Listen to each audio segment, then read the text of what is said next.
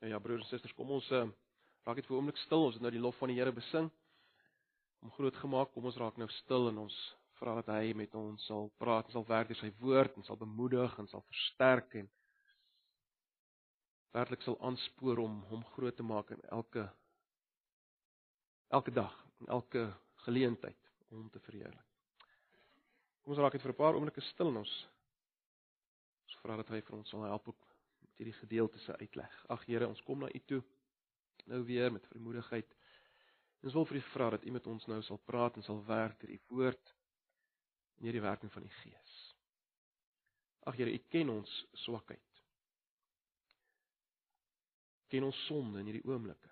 Maar ons dank U vir U self, Here Jesus, en vir U volkomme werk in ons plek. En ons juist daarom met vrymoedigheid kan kom. En ook waar ons ver oggend maar net weer eens wonderlike versterkende vertroostende gedeelte vir ons het, van ons vra dat U dit sal gebruik. U ken ons elkeen. U ken ons elkeen se se vrese, se bekommernisse.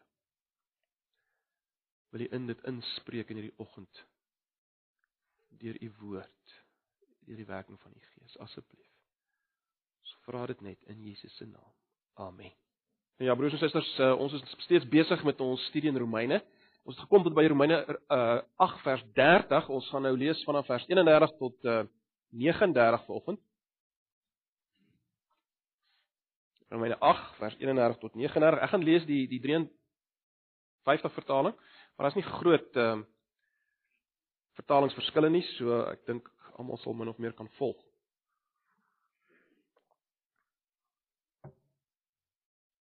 Romeine 8 31 tot 39. Wat sal ons dan van hierdie dinge sê? As God vir ons is, wie kan teen ons wees? Hy wat self sy eie seun nie gespaar het nie, maar hom vir ons almal oorgegee het, hoe sal hy nie saam met hom, saam met Jesus, ons ook alles genadiglik skenk? Wie sal beskuldiging inbring teen die uitverkorenes van God? God is dit wat regverdig maak. Wie is dit wat veroordeel? Christus is dit wat gesterf het, ja meer nog wat ook opgewek is wat ook aan die regterhand van God is wat ook vir ons intree. Wie sal ons skei van die liefde van Christus? Verdrukking of benoudheid of vervolging of honger of naaktheid of gevaar of swaard soos geskrywe is, om U ontwil word ons die hele dag gedood, ons is gereken as slagskape.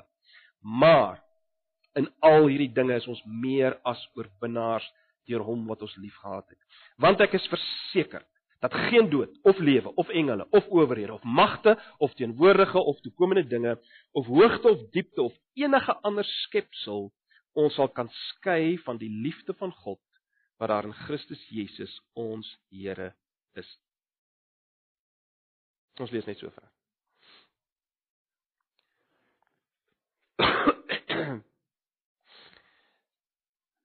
Ek dink julle almal ken die gedeelte in Johannes 8 ehm, vers 1 tot 11 waar die fariseërs en die skrifgeleerdes 'n vrou na Jesus toe bring uh wat hulle wil stenig want sy is in oorspel betrap. Nou dink vir 'n oomblik aan hierdie vrou se situasie. Sy is daar op die grond uh sy op gekniel of gelê op die grond afwagtend op die eerste klip om haar te tref en haar uiteindelik uitmekaar te ruk in geweldige pyn harte vermink voor sy genadiglik sou sterf. En dan ewe skielik is dit stil en daar gebeur niks nie. En as as sy as sy opstaan en opkyk, dan's al haar aanklaers weg. Natuurlik oortuig deur dit wat Jesus gesê het van hulle eie sonde en skuld en daarom het hulle nie die vrymoedigheid gehad om haar meer aan te val nie. Maar soos ek sê, dink vir 'n oomblik aan die geweldige ontsaglike verligting. En jy sal onthou Jesus ehm uh, met 'n met mense kan amper sê 'n mate van van droë humor vra vir haar, het niemand jou veroordeel nie? Het niemand jou veroordeel? Ontsaglike verligting, onbeskryflik. Miskien het jy al iets daarvan beleef in jou eie lewe, onbeskryflike ver, verrassende verligting uh van iets waarvoor jy gevrees het. Jy het iets gevrees en uiteindelik gebeur dit nie. Dit is geweldig hierdie verligting. Hierdie bevryding. Nou, ek dink iets van iets van hierdie selfde verrassende verligting trek as te ware deur hierdie slotgedeelte van Romeine wat ons vanoggend gelees het. Nie waar nie. Iets daarvan trek hierdeur. Ons kyk by wyse van spreuke ook rond as as jy wil om te sien wie ons veroordeel. Ons doen dit baie keer uh in ons persoonlike lewens, in ons denke, in ons manier van dink oor onsself en ons toestand voor God. Uh kyk ons as te ware rond na wie gaan ons veroordeel? Want ons is baie bewus van ons gebrokenheid. Ons is baie bewus van ons tekortkominge en ons sonde. So ons kyk as te ware rond na wie gaan ons veroordeel? En wat ons in hierdie gedeelte moet raak sien is dat ons ook moet ontdek soos hierdie vrou as te ware dat almal is weg. Almal is weg. Daar's niemand wat ons kan veroordeel nie. Julle sal gesien het in hierdie in hierdie gedeelte word die vraag 4 keer gevra. En elke keer is die antwoord verstommend, nie waar nie? Wie is teen ons? Niemand. Nou, ek moet ek net dadelik sê as hy praat met ons, dan praat as hy as as ons praat van ons, dan dan praat hy van die mense met wie hy nou heeltyd gepraat. Die wat in Christus is, geregverdig is, in die regte verhouding staan met God op grond van wat Jesus gedoen het. Dis die ons. Soos nie in die algemeen nie, nee. Ek dink dis ons ons ons ons weet dit. Wie is teen ons? Niemand. Wie kan beskuldiging teen ons inbring? Niemand. Wie kan ons veroordeel? Niemand. Wie kan ons skei van die liefde van Christus? Niemand. Natuurlik op hierdie punt van die die die skei van die liefde van Christus is daar baie dinge wat probeer om ons te skei van die liefde van Christus, maar maar ook hier is die oorwinningslied baie duidelik. Niks in die hele skepping kan ons skei van die liefde van God in Jesus. En mense, dis die formele struktuur van hierdie gedeelte, né? Dis die formele struktuur van hierdie paragraaf. En dit is ontsaglik opwindend, nie waar nie? Dis is amper soos 'n simfonie wat naby aan sy einde kom en en en en vinniger en vinniger beweeg en en frases uit uit die uit vroeëre dele van die musiek word op 'n triomfantelike manier as te ware hier rondgegooi. Ek sê so want hierdie paragraaf is eintlik 'n opsomming van dit wat ons kry in hoofstuk 5 tot 8. Dis eintlik 'n opsomming. maar dis nie 'n stap vir stap argument soos ons kry in hoofstuk 5 tot 8 tot hier nie. Uh, dit dis baie meer hier in die vorm van 'n opwindende retoriese stelling as jy wil. Met ander woorde, kyk wat God gedoen het. Kyk wat Jesus gedoen het en steeds doen terwyl ons nou praat. Kyk rond en sien die baie dinge wat dreig om jou te skei van die kragtige liefde uh wat uitreik na ons deur kruis en opstanding heen. sien dit raak. Leer dat al hierdie dinge oorwinne vyande is of oorwonne vyande is. Leer dit. Leer om te sing en te spring van vreugde en om die oorwinning van God te vier. Jy sien dis dis as te waar hoe Paulus dit stel hier. Op 'n ander manier, né? Mens kan amper sê die einde van hoofstuk 8 verdien om in vier letters op die tafels van ons hart ingegraveer te word. En dit verdien om stadig bedink te word sodat ons die implikasies kan verteer. En dis wat ons gaan probeer doen tot 'n mate volgens. Ons moet onthou die hele gedeelte, hoofstuk 5 tot 8, het in diepste gegaan oor die sekerheid van ons finale verlossing. Dit was Paulus se hele argument. Dat ons kan seker wees as mense wat ons vertroue geplaas het in Jesus en dit wat hy gedoen het in ons plek aan die kruis. Hoe kan ons seker wees dat ons finaal uiteindelik verlos gaan word? Dis die hele punt van hoofstuk 5 tot 8, hierdie sekerheid argument om sekerheid. nou natuurlik is daar baie mense wat dink dit is arrogant om te praat oor sekerheid. Ek meen hoe op aarde kan jy daarop aanspraak maak dat jy seker is van God se liefde en seker is van jou finale verlossing? Dit klink 'n bietjie arrogant.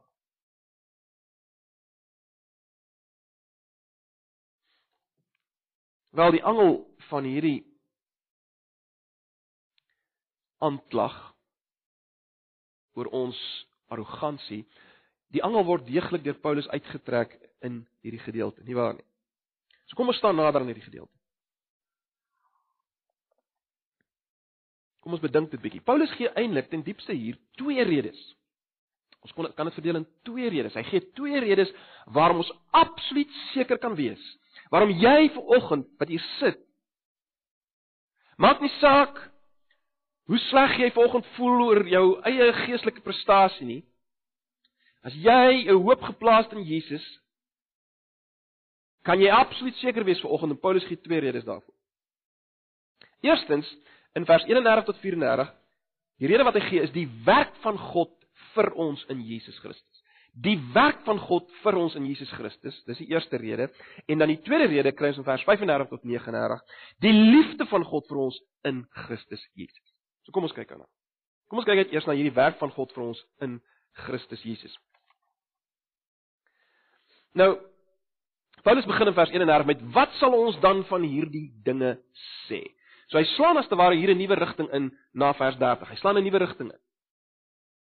Nou, julle sal sien hy hy praat van hierdie dinge, dis meervoud natuurlik, en hy verwys, waarna verwys hy? Hy verwys na die baie redes waarom ons seker kan wees wat gegee is in hoofstuk 5 tot 8. So die hierdie dinge is die dinge waarvan hy nou gepraat het spesifiek in hoofstuk 5 tot 8, maar waarvan ons weet dit is weer 'n uitvloeisel van dit wat hy in die eerste 4 hoofstukke gesê het rondom ons regverdig maak.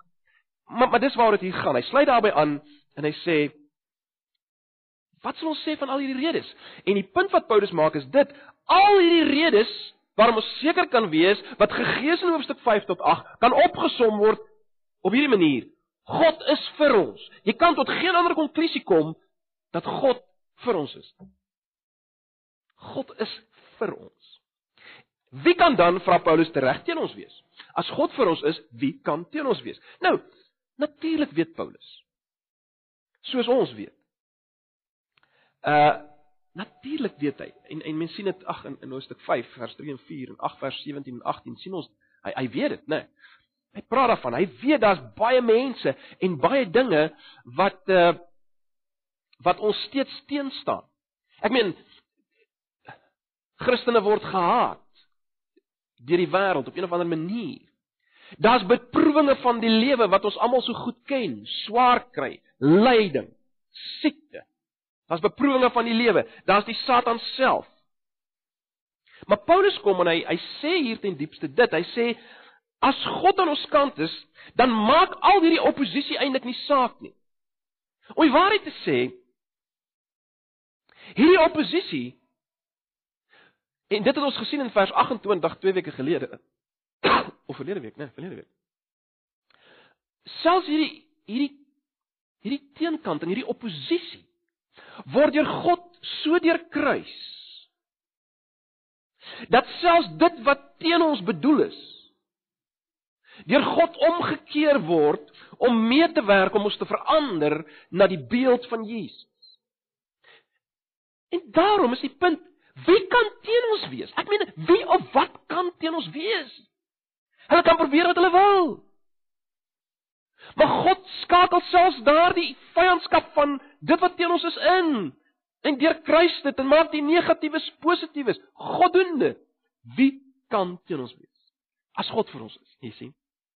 Dis wat Paulus hier sê. Vers 32 lees so: Hy wat self sy eie seun nie gespaar het nie, maar hom vir ons almal oorgegee het, hoe sal hy nie saam met hom ons ook alles genadiglik skenk nie. Nou, vers 32 is nie eksplisiet verbind aan vers 31 nie, maar dit versterk Paulus se punt in vers 31, né? Nee, dis baie duidelik. Ek ek meen uh God se vir ons word dramaties gesien in die gee van sy seun in die gee van Jesus Christus wat natuurlik verwys aan die kom van Jesus na die aarde, sy lyding, uiteindelik sy sterwe in ons plek. God se vir ons word daarin gesien. Ek meen, as hy dit gedoen het. Dis Paulus argument. As as God so ver gegaan het om sy eie seun te gee, te laat mens word met alles wat dit behels vanuit heerlikheid. Vir ons! Vir my! As hy so ver gegaan het, ek meen Hoe sal hy nie alle ander dinge gee nie of in die terme van vers 31 Niks sal in die laaste instansie my dan kan opponeer nie. Nou, ons weet hoofstuk 5 vers 5 tot 8 het al klaar gepraat oor hierdie hierdie geskenk van God in die dood van Jesus as basis vir ons hoop. Julle sal onthou daar in hoofstuk 5 vers 5 tot 8 sê Paulus God het ons so lief gehad toe ons nog sondaars was, toe ons nog vyande van God was. Toe ons nog goddeloses was, het God sy eie seun gegee vir ons wat nie goeie mense was nie, inteendeel. Mens kan nog verstaan as iemand vir 'n goeie mens sal sterf, maar hy hy sterf vir ons toe ons so was. toe ons goddelose sondaars vyande van God was, het hy vir ons gesterf.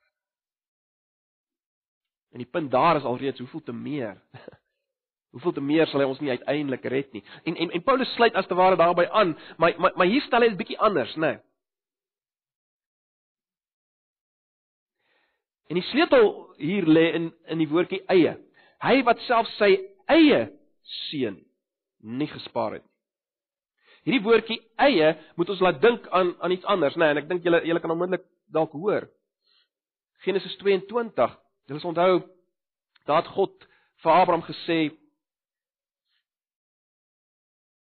Jy moet jou eie seun Isak, die een wat jy liefhet, gaan offer hom vir my.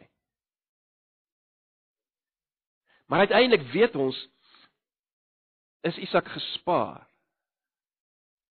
Nou kom Paulus en hy kom sê God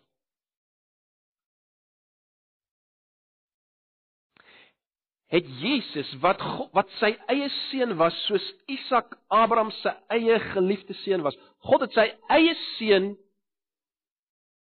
let wel nie gespaar nie. Isak is nog gespaar. Jesus is nie gespaar nie. Dis Paulus argument. Ek meen Dit's niks kosbaarder vir God nie. Niks kan nader aan hom wees nie. Dis in 'n sin hy self As hy as hy dit gedoen het vir ons, vir my. I mean, hoeveel te meer sê Paulus, sal hy nie saam met hom, dis saam met hierdie Jesus ons ook alles genadiglik skenk nie. Hy het hierdie hy het hierdie Jesus vir ons gegee.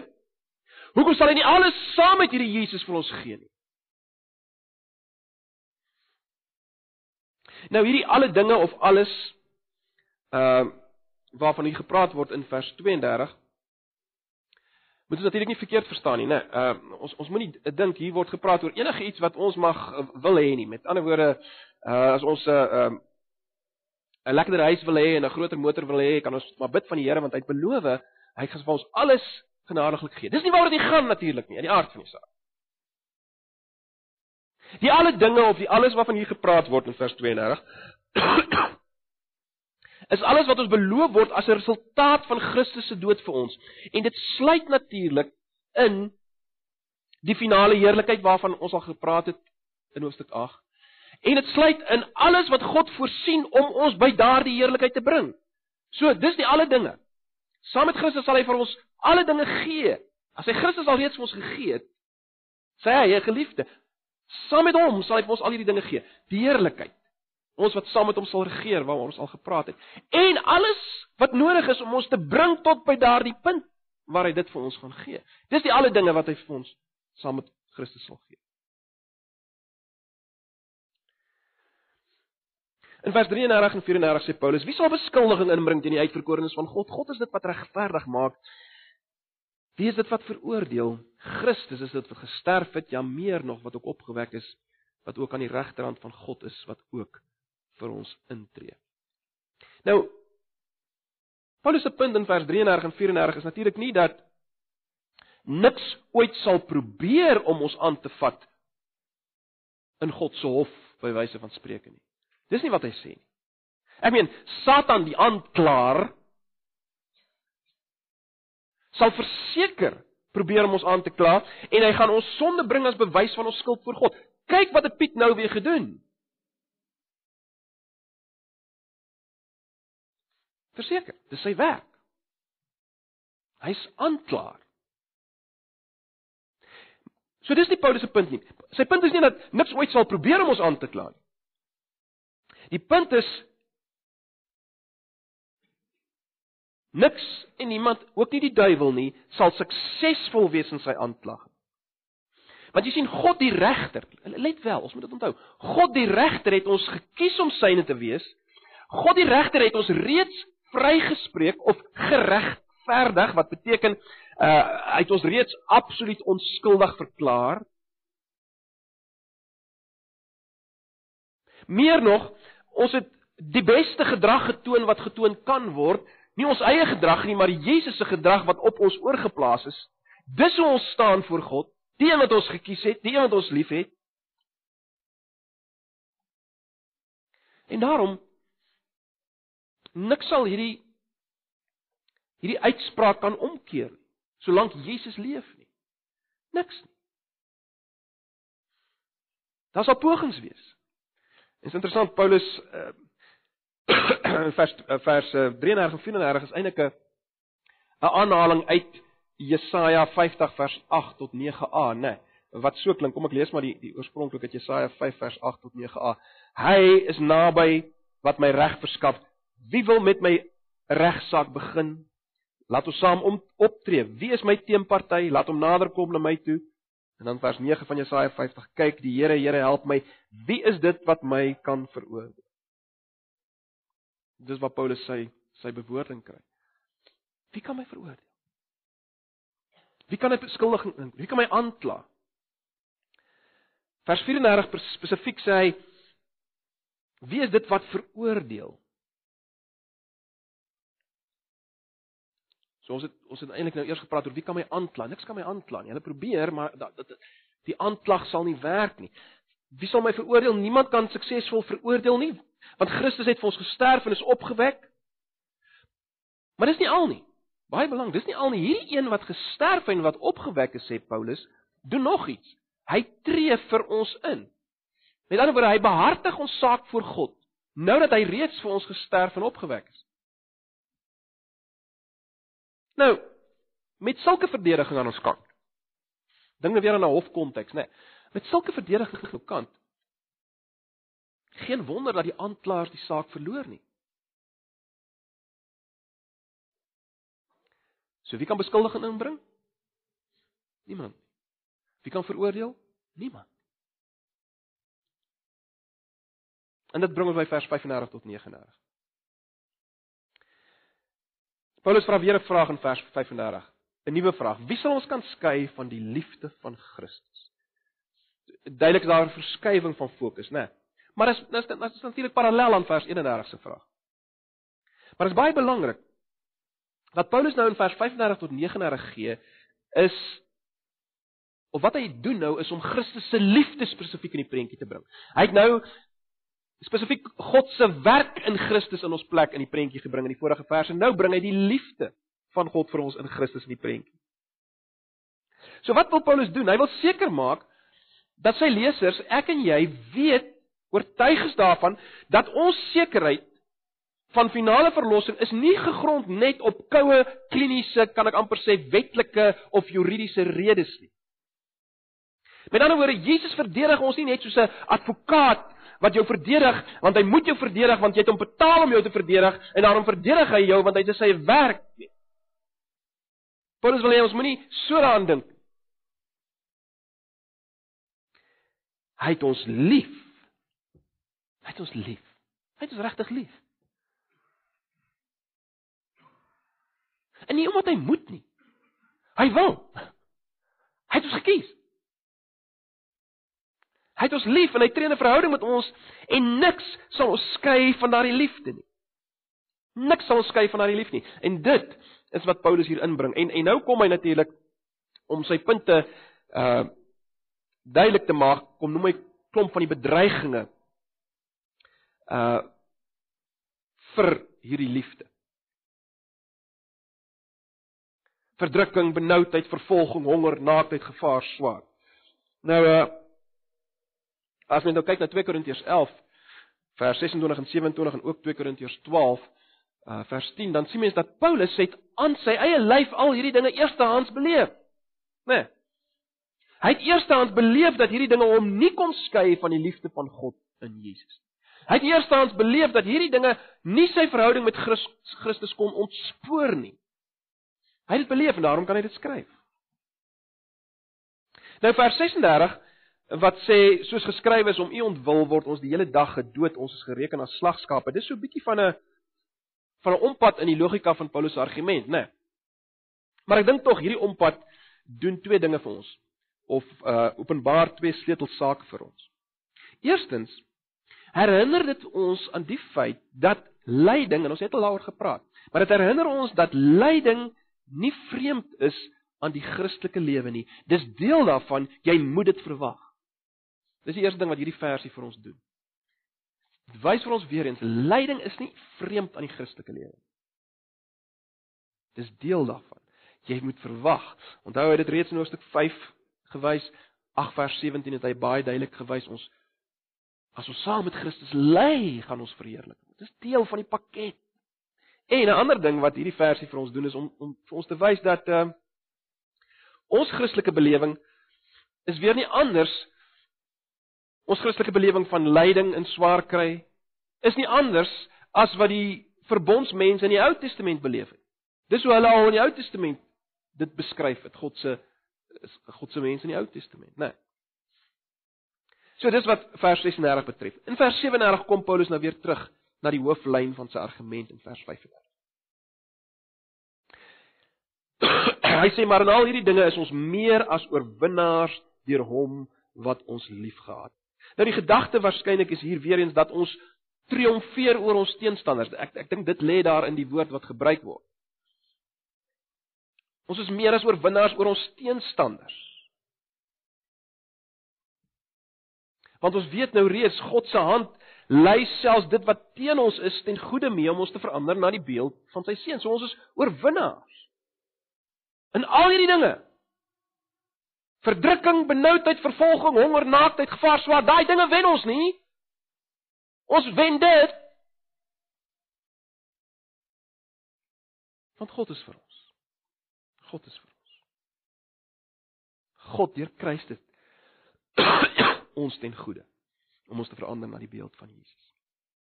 En dan kom Paulus en in vers 38 en hy sluit sy viering van God se liefde vir ons in Christus af met 'n persoonlike getuienis, né? Nee. Hy sê want ek is verseker of ek is oortuig.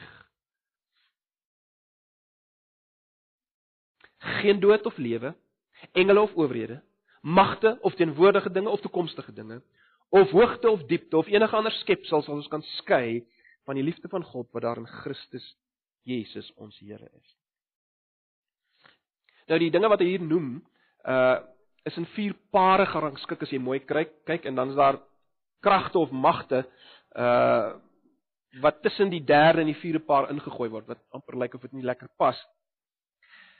Nou wat hierdie lys van goed betref, 'n mens kan dit maklik oorinterpreteer. Uh as jy as jy te presies alles wil definieer, wat presies praat hy nou hiervan?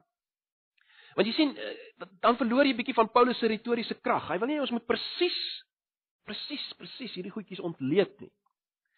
Die punt is, in die algemeen verwys dood en lewe na twee basiese toestande van die menslike bestaan.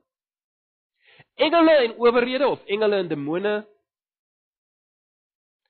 som die geheel van die geestelike wêreld op.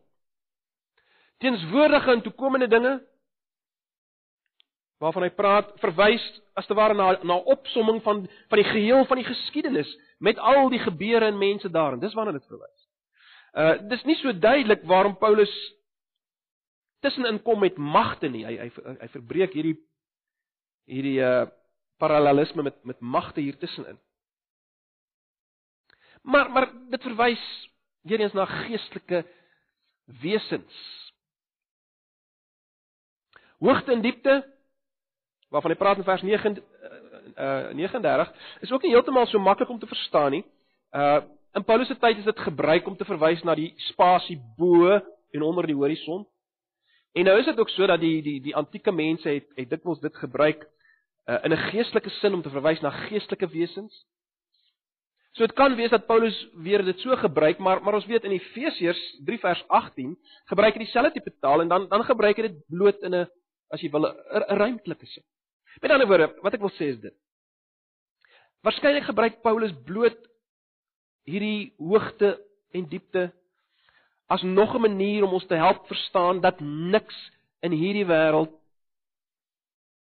of ons nou dood is en of ons lewe of dit dinge is wat ons nou in die gesig staar en of dit dinge is wat ons eendag in die gesig gaan staar of dit nou dinge is wat bo ons is of onder ons is niks kan ons skei van die liefde van God wat daar in Christus Jesus is. Dis wat hy eintlik maar net wil sê.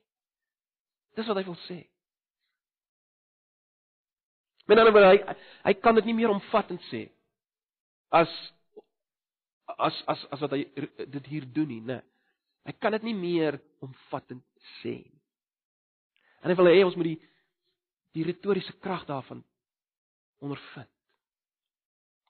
So ag broers en susters, hoofstuk 8 het begin met daar is dan nou geen veroordeling vir die wat in Christus Jesus is nie. En hier eindig ons nou met daar's geen skeiding Niks kan ons skei. Niks kan die wat in Christus Jesus niks kan die wat in Christus Jesus is skei van hom. Skei van sy liefde nie. Nie, nie net nie net nie net wetlik. Formeel nie. Maar niks kan ons skei van sy liefde vir ons nie. Dis geweldig, is dit nie? Dis deurslaggewend. So broers en susters, dis hierdie gedeelte. Dis hierdie gedeelte. En ek wil hê jy moet net vir 'n oomblik, eh, maak dit vir 'n paar oomblikke jou oë toe en en en wat ek al wat ek wil hê jy moet doen is is om net vir jouself dit te sê dat jy dit as te ware kan hoor.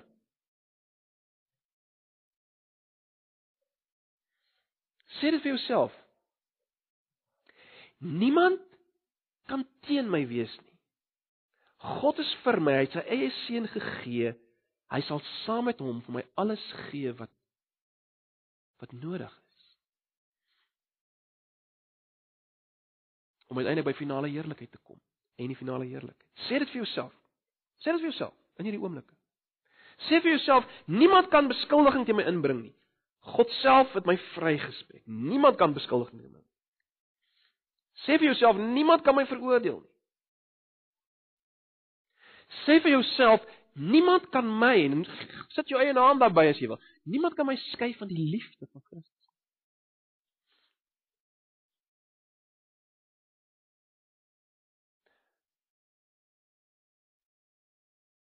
Kan ek en jy sê ons is oortuig daarvan, soos Paulus?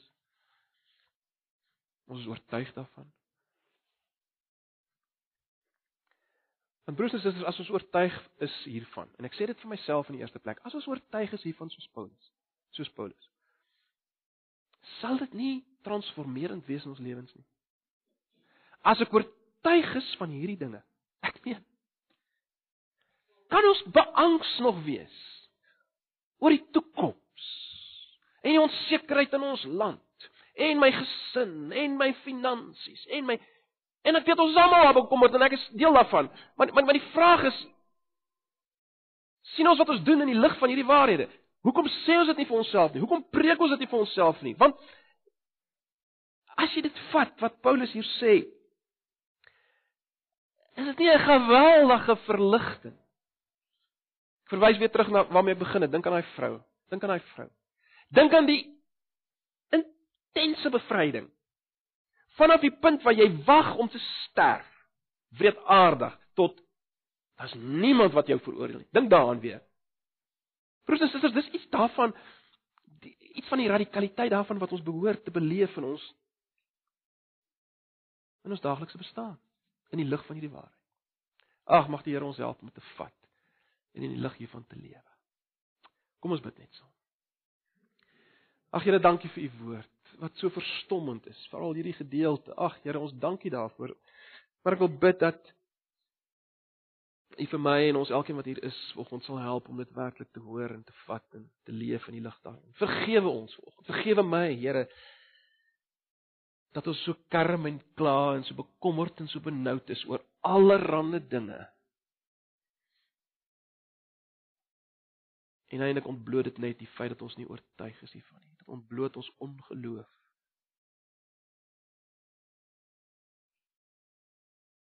Dat U bedoel wat U sê. Vergewe ons ons sonde van ongeloof asseblief. Ons vra dit in Jesus se naam.